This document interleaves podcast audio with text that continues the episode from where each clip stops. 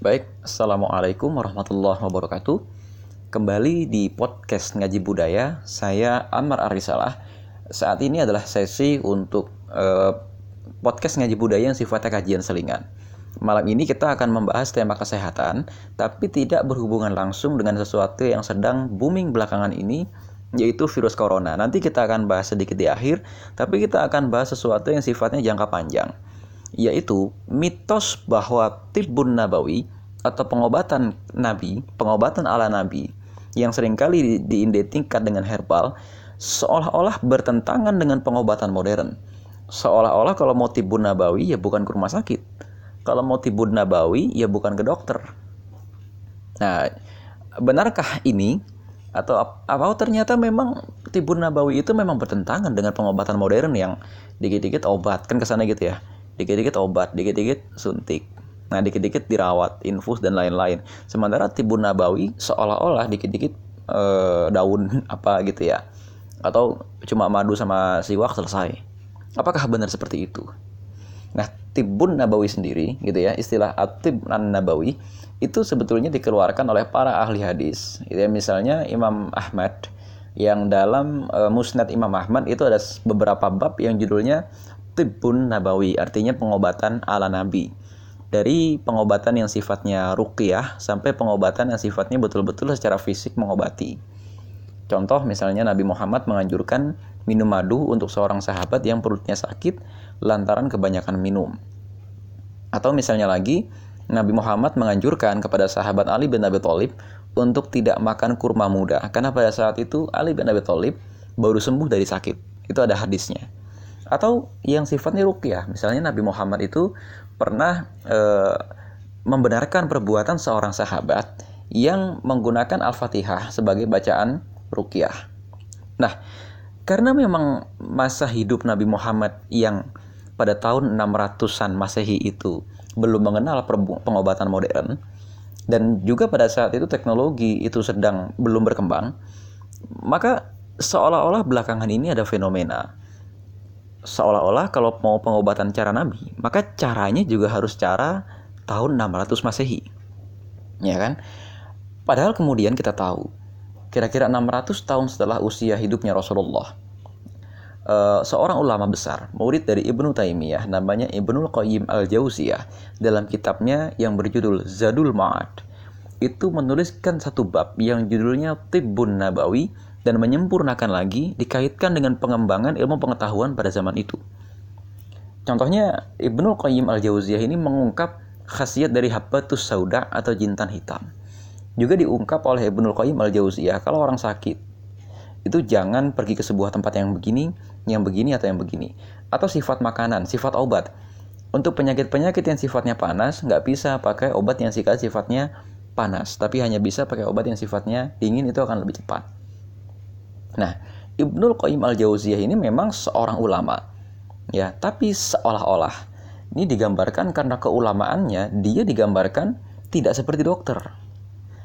Padahal banyak pihak meyakini bahwa Ibnul Qayyim al-Jauziyah selain studi literasi atau selain studi pengamatan saja, Ibnul Qayyim al-Jauziyah diyakini pernah memang benar-benar mengobati orang. Dalam konteks dia juga adalah seorang dokter Sebagaimana pada beberapa hadis yang sahih, Aisyah itu dikatakan sebagai sahabat Nabi yang paling ahli tentang ilmu kedokteran. Aisyah lah gitu ya yang dalam beberapa kali peperangan itu menemukan cara mengobati pasukan perang yang terluka secara massal. Jadi rumah sakit, rumah sakit darurat dan lain-lain itu Aisyah itu yang menciptakan. Maka beliau dikenal sebagai pakar kedokteran dan juga sekaligus pakar manajemen kesehatan mungkin kalau dalam bahasa kita sekarang. Nah, Bersama kita sudah ada sebagai narasumber yaitu Dr. Mahdiah Maimunah. Beliau adalah seorang kader kami juga, masuk ke dalam kedokteran UIN pada tahun 2012 dan lulus pada tahun 2018. Pada saat ini beliau berkedudukan di tepatnya Simpang Kandis, Kota Bengkulu. Ya, Kota Bengkulu terletak di Provinsi Bengkulu di daerah Sumatera. Uh, bersama dengan beliau kita akan membahas pertanyaan besar kita hari ini apakah tibbun nabawi sepenuhnya berbeda dengan pengobatan modern? Atau tibbun nabawi memang bertentangan dengan pengobatan modern? Atau memang ada sifat yang mendasar sekali yang membedakan memang baik secara ilmiah maupun secara istilah antara tibun nabawi dengan pengobatan modern itu. Nah, silakan bagaimana, Dok? Oke, terima kasih banyak Kak Amar untuk kesempatan yang sudah diberikan. Uh, pada kesempatan kali ini kita memang akan membahas tema besar mengenai masalah pengobatan modern dan pengobatan tibun nabawi ya. Nah, karena tadi Kak Amar sudah menjelaskan masalah mengenai pengobatan tibun nabawi, jadi saya akan coba ulas sedikit dulu mengenai pengobatan tibun nabawi. Benar sekali, kalau misalnya di masyarakat kita, pengobatan tibun nabawi ini erat kaitannya dengan pengobatan herbal gitu ya. Padahal sebetulnya kalau dari definisi yang saya temukan gitu ya mengenai pengobatan uh, tibun nabawi. Sebetulnya pengobatan tibun nabawi ini adalah pengobatan yang intinya intinya adalah ada pengobatan ala Rasulullah gitu. Baik itu yang diucapkan oleh beliau ditetapkan maupun dilakukan. Dan tujuannya adalah di samping pengobatan fisik juga pengobatan ruh gitu kan. Nah sementara pengobatan herbal sendiri yang sering kali dikaitkan dengan tibun nabawi ini uh, itu sebetulnya memiliki bidangnya sendiri gitu. Atau misalnya uh, atau saat ini kita sebut dengan uh, fitofarmaka gitu ya, pengobatan yang menggunakan tumbuh-tumbuhan gitu. Nah, uh, ada hal yang berbeda gitu di antara keduanya.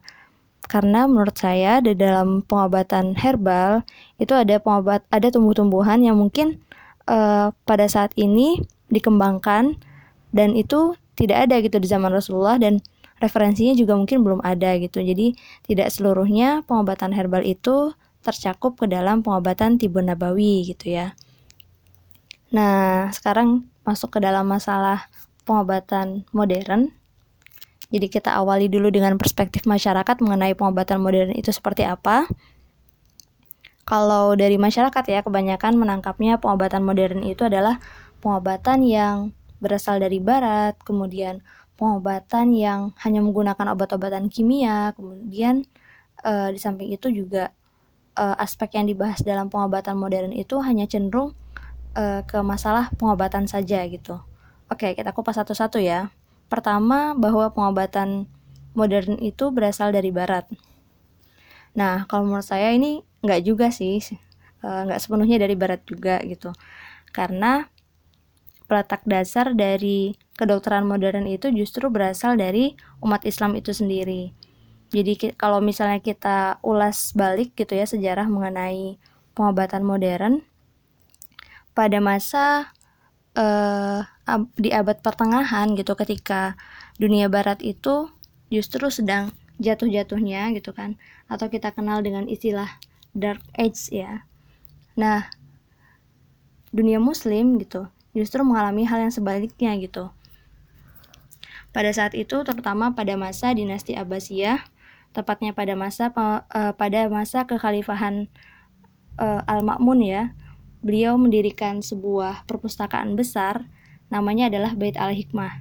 Nah, Bait Al-Hikmah ini menjadi pusat dari penerjemahan buku-buku yang bersumber dari referensi asing seperti Yunani, Syria, dan segala macamnya, tapi yang utamanya itu berasal dari Yunani. Kemudian referensi-referensi asing ini diterjemahkan ke dalam bahasa Arab untuk kemudian dipelajari oleh para ilmuwan muslim gitu. Nah, ilmuwan muslim ini juga menerjemahkan referensi-referensi yang berkaitan dengan dunia medis gitu. Nah, dari referensi-referensi inilah kemudian akhirnya dunia medis juga dikembangkan oleh peneliti-peneliti muslim gitu. Pada akhirnya kita menemukan bahwa banyak sekali peneliti-peneliti muslim, ilmuwan-ilmuwan muslim yang memiliki jasa besar di dalam dunia medis gitu kan.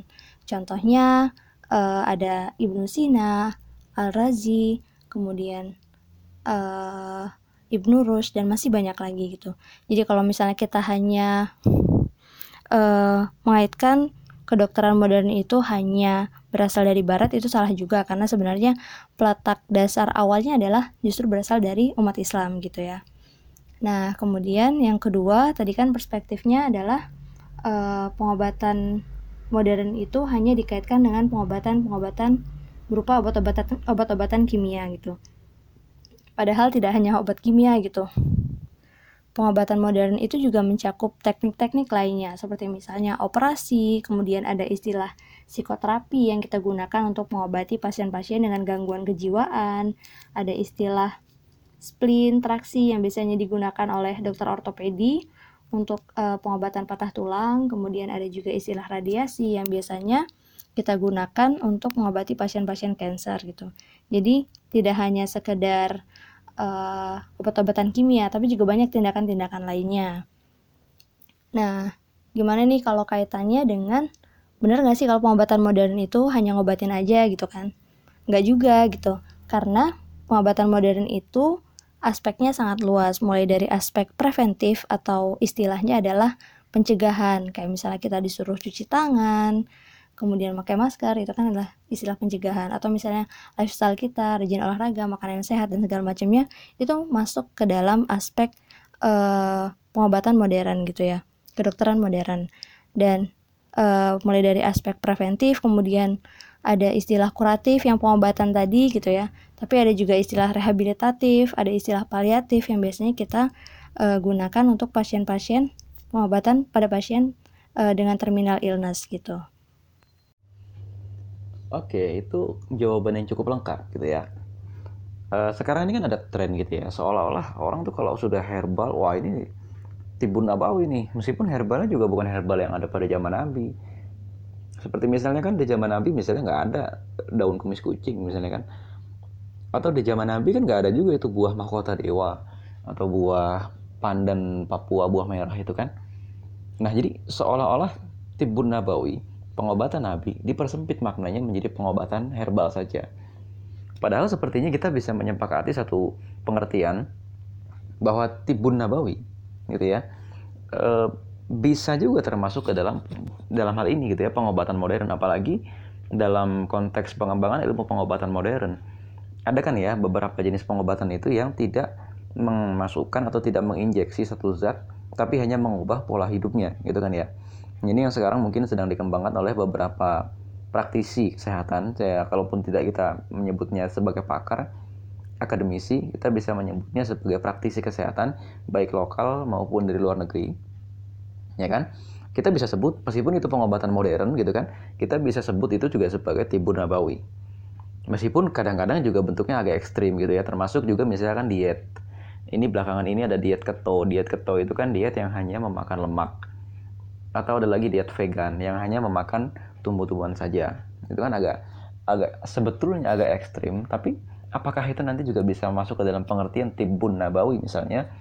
Yang jelas sepertinya kita sudah bisa mencapai satu kesepakatan dulu nih dasar bahwa tibun nabawi itu itu bukan pengobatan herbal saja meskipun pengobatan herbal juga termasuk ke dalam tibun nabawi mungkin begitu sebetulnya nah kan sekarang itu ada ada juga mitos begini ya ah jangan ke dokter gitu kan. Karena katanya kan nanti kalau ke dokter dikasih obat kimia. Apalagi kan sekarang misalnya ya beberapa waktu lalu itu muncul pemberitaan di sebuah majalah nasional ya liputan khusus di sebuah majalah nasional bahwa ada memang oknum dokter, ada memang satu oknum rumah sakit yang terikat satu kontrak dengan perusahaan obat sehingga harus menyediakan atau harus menuliskan sebuah obat tertentu dalam resepnya. Meskipun obat itu tidak terlalu dibutuhkan atau tidak dibutuhkan oleh sang pasien. Kita tidak akan membahas ke arah situ tapi beberapa peristiwa yang terjadi dan juga mungkin beberapa insiden-insiden kecil gitu yang diakibatkan oleh oknum dokter ternyata berpengaruh dengan pandangan masyarakat. Ah jangan ke dokter. Kita kadang-kadang sakitnya apa tapi nggak nggak nggak diberikan obat yang tepat. Atau kadang-kadang dokter disamakan seperti montir jadi motor jangan diperbaiki terlalu bagus sehingga nanti biar motor itu datang terus ada masyarakat yang masih berpandangan seperti itu ya kan maka akhirnya mereka Eh, ke pengobatan alternatif. Yang mana pengobatan alternatif itu kan kadang-kadang juga masih dianggap sebagai placebo atau pseudoscience gitu ya masih masih pengobatan yang belum terbukti secara ilmiah. Nah, pendapat Bu Dokter ini gimana tentang hal ini dan apalagi bersamaan dengan gelombang hijrah yang ada belakangan ini, istilah-istilah yang dibuat ke Arab-Araban atau yang kemudian seolah-olah punya cocok logi dengan hadis. Seolah-olah ini oh ini ada hadisnya nih. Ini menjadi sesuatu yang sangat-sangat e, digemari oleh masyarakat. Contohnya apa? Ini masyarakat mau sakitnya apa nih? Seolah-olah tiba-tiba dikasihnya habbatus sauda. Saya juga ini mengkritik ya. E, sekarang itu saya tidak mengecilkan profesi gitu ya, tapi akhirnya sekarang itu banyak orang yang menjual suplemen tapi seolah-olah dia lebih mengerti daripada dokter. Sang pasien tidak pernah mengatakan apa sakitnya, tapi seolah-olah ketika kita ngomong kepada suplemen atau ngomong kepada e, penjual suplemen, seolah-olah si penjual suplemen ini menjadi seperti seorang apoteker yang sangat ahli, padahal profesi aslinya atau kepakaran aslinya bukan di bidang kesehatan. Ini juga jadi masalah. Nah, bagaimana pendapat Bu Dokter mengenai dua hal yang tadi saya tanyakan? Jadi yang pertama itu mengenai kecenderungan masyarakat gitu ya, e, mengenai ya pengobatan-pengobatan alternatif yang kemudian disamakan seperti itu. Terus yang kedua ada beberapa tindakan-tindakan yang mungkin belakangan ini malah mengancam budaya kesehatan di tengah-tengah masyarakat. Itu kira-kira. Ya, oke. Okay. Sebelum masuk ke jawaban dari dua pertanyaan yang ditanyakan oleh uh, Kak Amar ya. Tadi kan Kak Amar sempat menyebut, sebenarnya bisa nggak sih pengobatan tibun nabawa ini masuk ke dalam pengobatan modern? Ya, bisa saja gitu kan. Sebenarnya kedua pengobatan ini baik itu tibun nabawi maupun pengobatan modern ketika dia memiliki uh, validitasnya seseorang itu kan berhak untuk memilih apakah dia akan menggunakan pengobatan tibun nabawi maupun pengobatan modern gitu kan. Nah uh, bagaimana sih supaya pengobatan tibun nabawi ini bisa masuk dalam kategori pengobatan modern gitu? Syaratnya adalah ketika pengobatan tibun nabawi ini bisa di bawa ke dalam sebuah penelitian yang diakui kebenarannya gitu. Tadi kan syaratnya pengobatan modern harus evidence based ya, berbasiskan bukti yang nyata gitu. Dan di dunia pengobatan modern sendiri, penelitian itu juga ada ada uh, tingkat kesohihannya gitu. Kalau misalnya di hadis kita mengenal tingkat kesohihannya dari ada hadis yang sohi, hasan, kemudian doif gitu kan. Nah begitu juga dari pengobatan modern gitu. Ada tingkatan-tingkatan penelitiannya gitu. Semakin tinggi dia bisa mencapai tingkatan penelitiannya, maka tingkat kesohihannya itu akan semakin uh, meningkat gitu ya. Nah, saat ini kan sebetulnya sudah banyak juga ya eh, pakar-pakar atau uh, praktisi kesehatan muslim yang juga melakukan pengembangan penelitian di Tibun Nabawi gitu. Contohnya salah seorang dosen saya di uh, Universitas Islam Negeri Syarif Hidayatullah Jakarta yang meneliti tentang bekam. Jadi bekam ini kemudian diteliti dan uh, dibahas secara ilmiah gitu ya. Kemudian ada juga sekarang uh, penelitian mengenai kandungan habbatus sauda uh, apa apa zat aktifnya, kemudian efeknya bagi tubuh dan segala macamnya. Nah, ini kan sebetulnya bisa Berarti kan e, maksudnya pengobatan tibun nabawi bisa masuk dalam kategori pengobatan modern ketika dia sudah e, terkoneksi dengan penelitian ilmiah seperti itu. Nah, kemudian mengenai fenomena yang banyak terjadi di masyarakat kita ya, baik itu masyarakat yang lebih percaya pengobatan alternatif daripada pengobatan modern, kemudian adanya pihak-pihak yang tidak bertanggung jawab yang sebetulnya memanfaatkan situasi dan kondisi dari uh, adanya kesalahan-kesalahan pakar kesehatan atau misalnya tenaga medis. Kemudian uh, mereka mencap bahwa pengobatan mereka itulah yang lebih baik. Saya pribadi sebetulnya pernah ya mengalami ini uh, ketika saya direkrut untuk uh, mengembangkan sebuah pengobatan entah itu pengobatan tipe A tipe B gitu kan. Wah ini ada ada sebenarnya penelitiannya gitu kan. Uh, tapi saya sebagai seorang dokter tidak mau terbawa oleh arus bisnis yang menjebak saya ke dalam uh, sana karena saya memiliki profesi saya gitu kan. Nah bagaimana sih sebetulnya menyikapinya? Ya tadi kita balik lagi mau pengobatan apa pun yang kita pilih, karena kita adalah manusia yang Allah berikan kita karunia akal, maka kita harus jeli gitu memilih pengobatan untuk uh, terapi buat diri kita, buat keluarga dan orang-orang sekitar kita.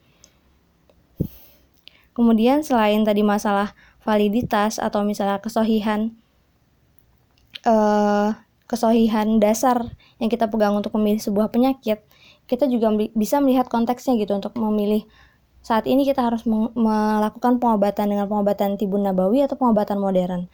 Contohnya adalah kategori-kategori penyakit yang akut gitu.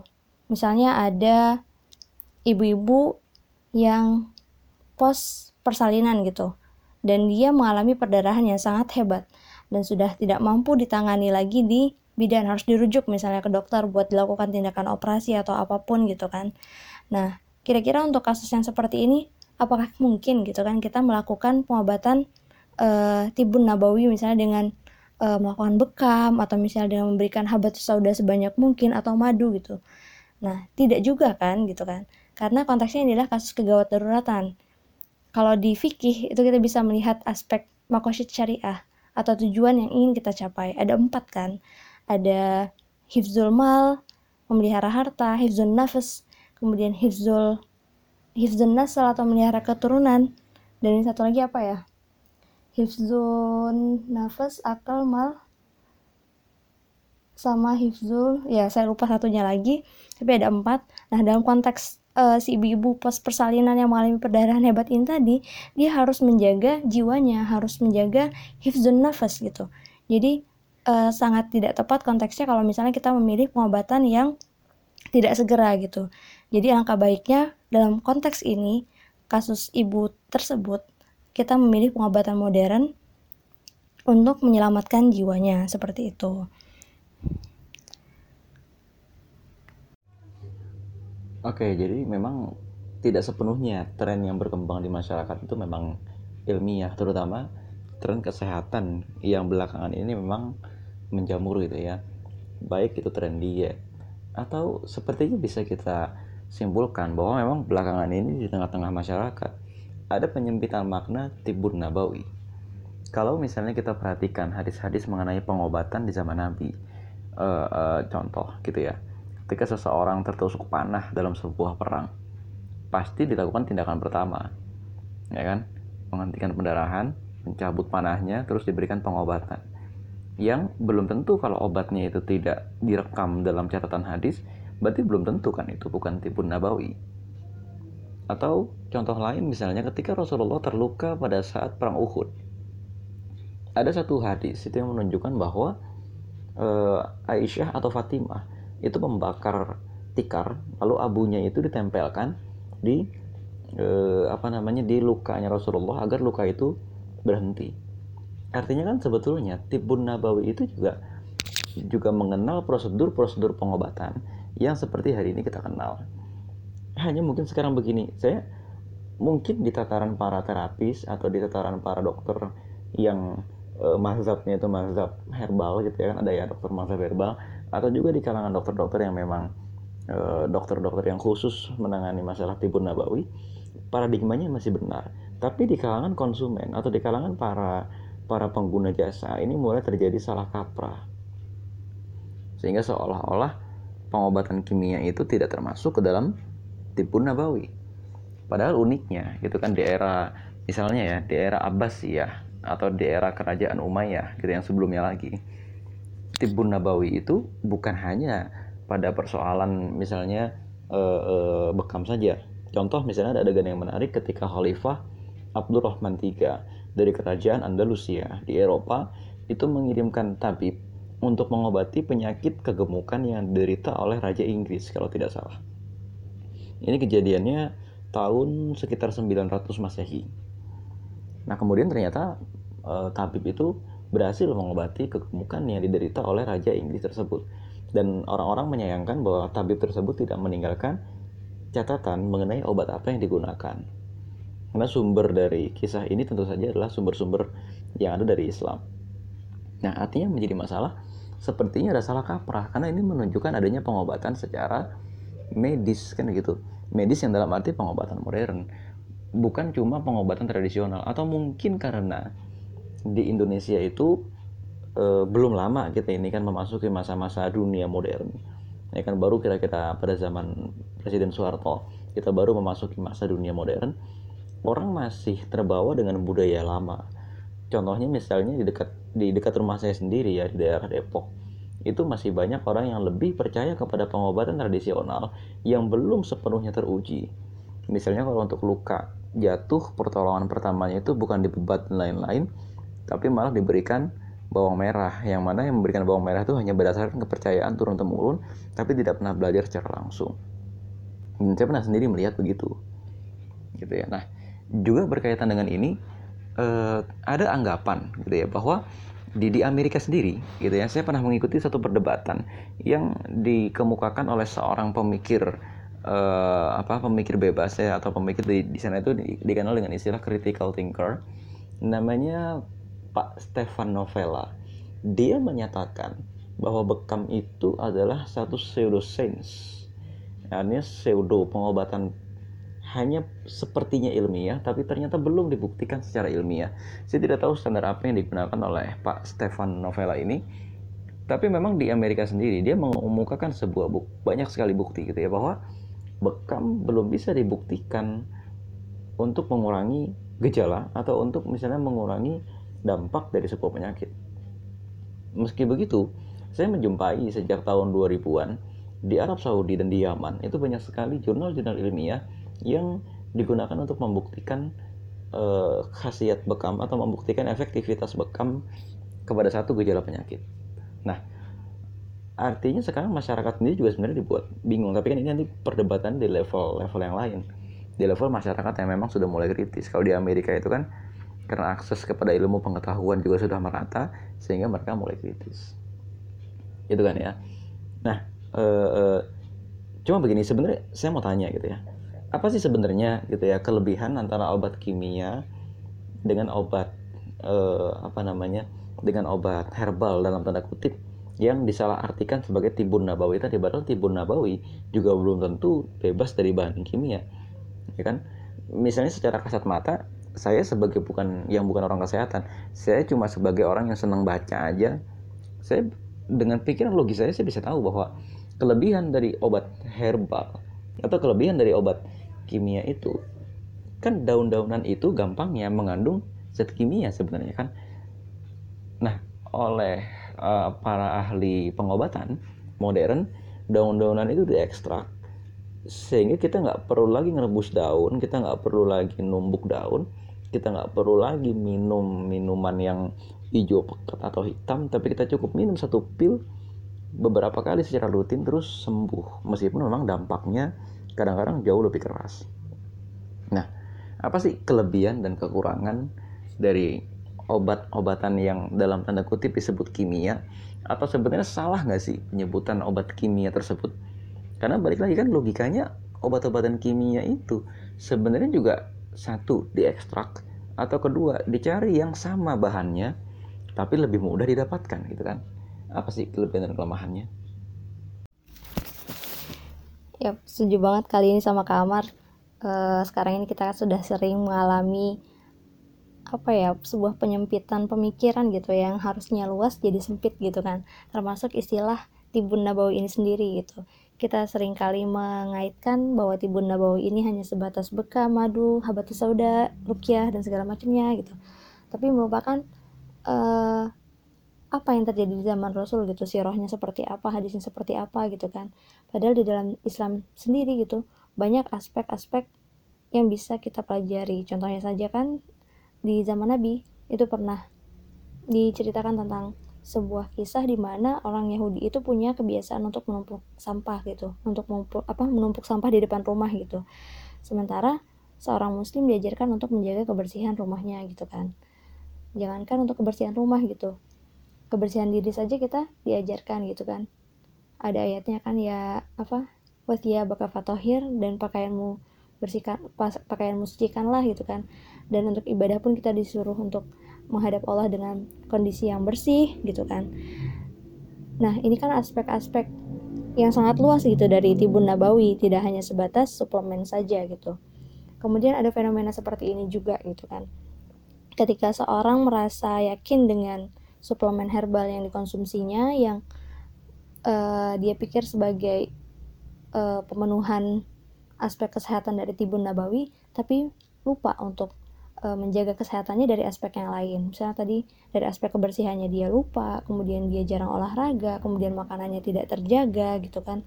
Nah, ini salah juga gitu.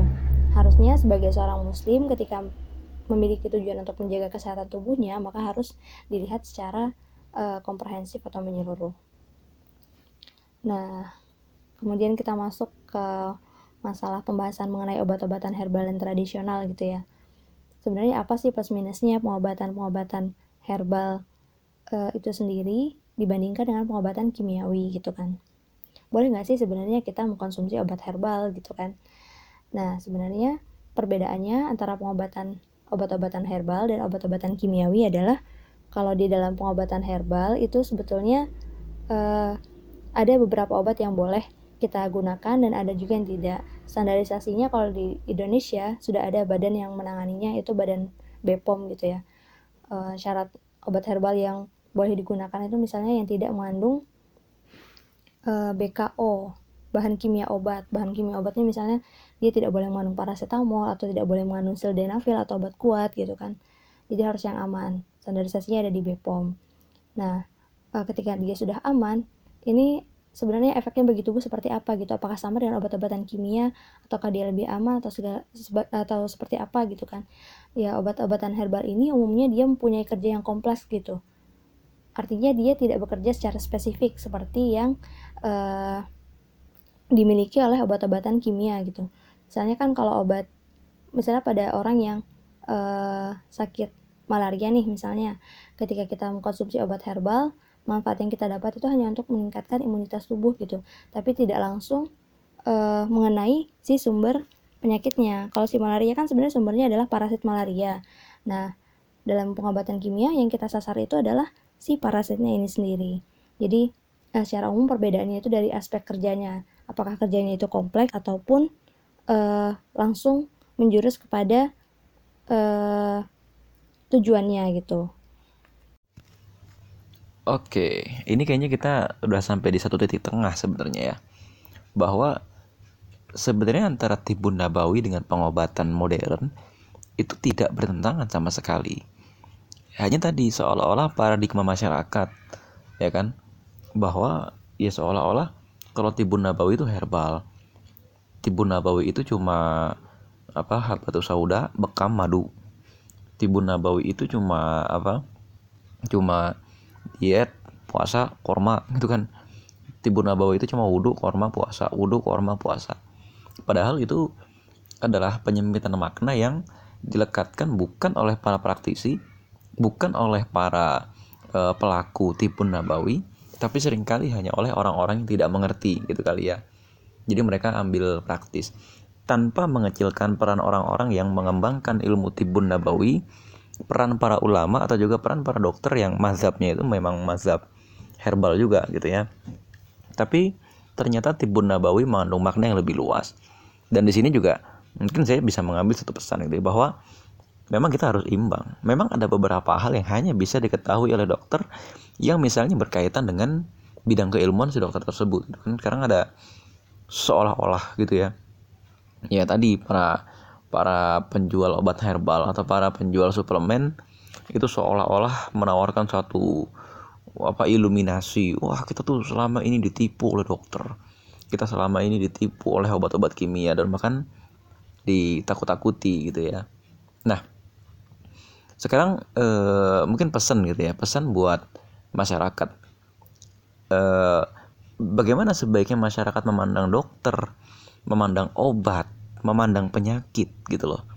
Di mana sih titik ah, bukan titik aman ya tapi lebih tepatnya di mana sih titik logis yang seharusnya? Apa sih dokter itu? Apa sih tugas dokter itu? Dan apa sih penyakit itu? Dan obat itu apa sih? Apa sih obat suplemen itu? Obat itu apa, suplemen itu apa, herbal itu apa? Dan lain-lain. Apa sih titik tengah atau atau semacam omnibus itu gagasan omnibus yang bisa kita tawarkan ke tengah-tengah masyarakat agar masyarakat juga tidak salah kaprah itu kan yang jadi soal. Dan lagi-lagi di sini saya juga menggarisbawahi uh, para sahabat Nabi tidak serta merta mempelajari hadis Nabi kemudian tiba-tiba menjadi ahli kedokteran Tentu sebagaimana yang ditempuh para ulama-ulama pada saat itu, pasca generasi sahabat Nabi, mereka mempelajari hadis juga sekaligus mempelajari fisiologi manusia. Bukan sekedar kursus-kursus kan yang selama ini saya amati gitu kan.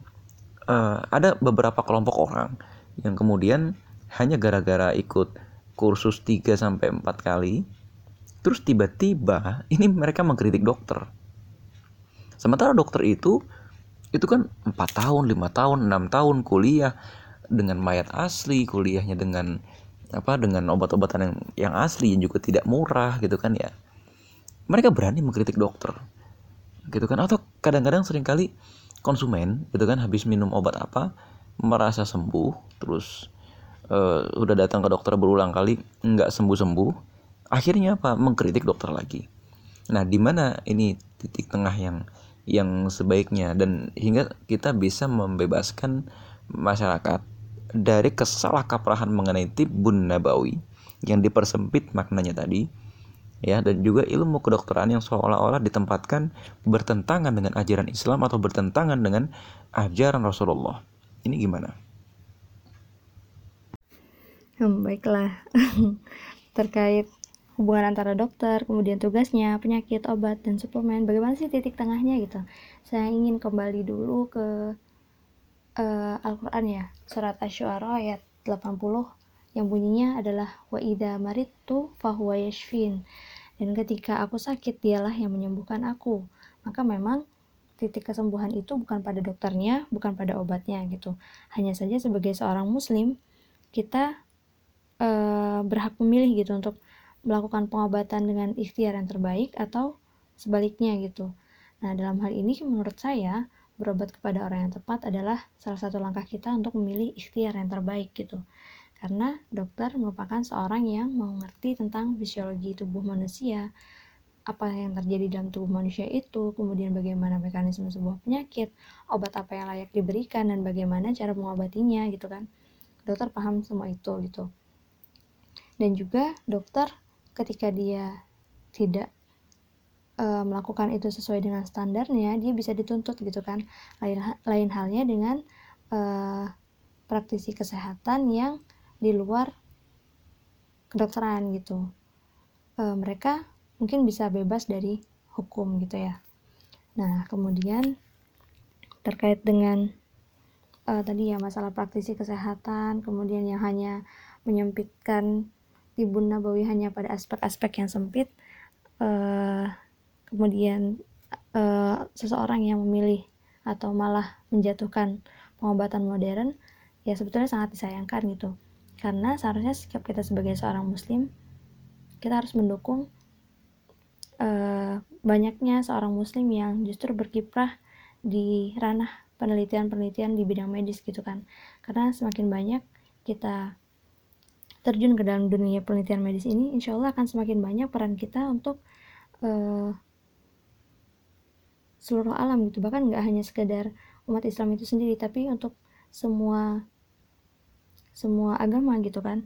Nah, dengan adanya upaya kita untuk menguasai penelitian di bidang medis ini, kita bisa menciptakan, kita bisa menghasilkan pengobatan yang mungkin bisa jadi lebih murah, kemudian pengobatan yang tidak membeda-bedakan, kemudian aturan kesehatan yang uh, bisa patut untuk ditegakkan gitu kan tidak semena-mena dan segala macamnya. Kita bisa memberikan pengobatan yang lebih akurat lagi dan segala macamnya gitu.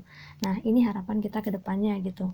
Oleh karena itu maka makanya tadi uh, seorang muslim harus berpikir secara lebih luas lagi. Tidak pada aspek yang sempit. Seperti itu mungkin dari saya.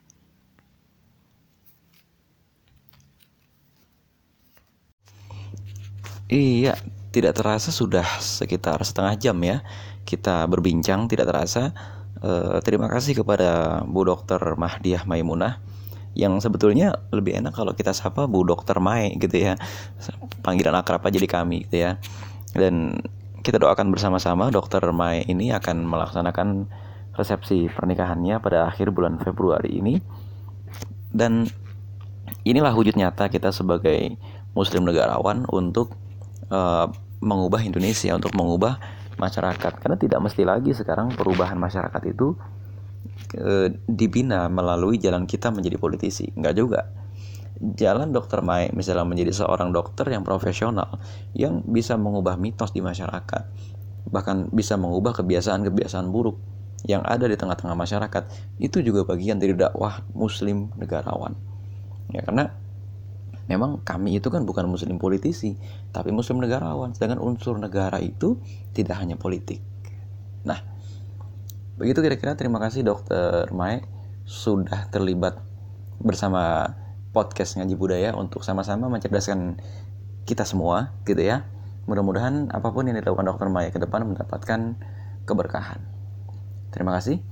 Uh, jangan lupakan bahwa ke depan podcast ngaji budaya akan tetap rutin menemani menemani kita semua dengan tentu saja kajian siroh dengan kajian-kajian selingan. Assalamualaikum warahmatullahi wabarakatuh.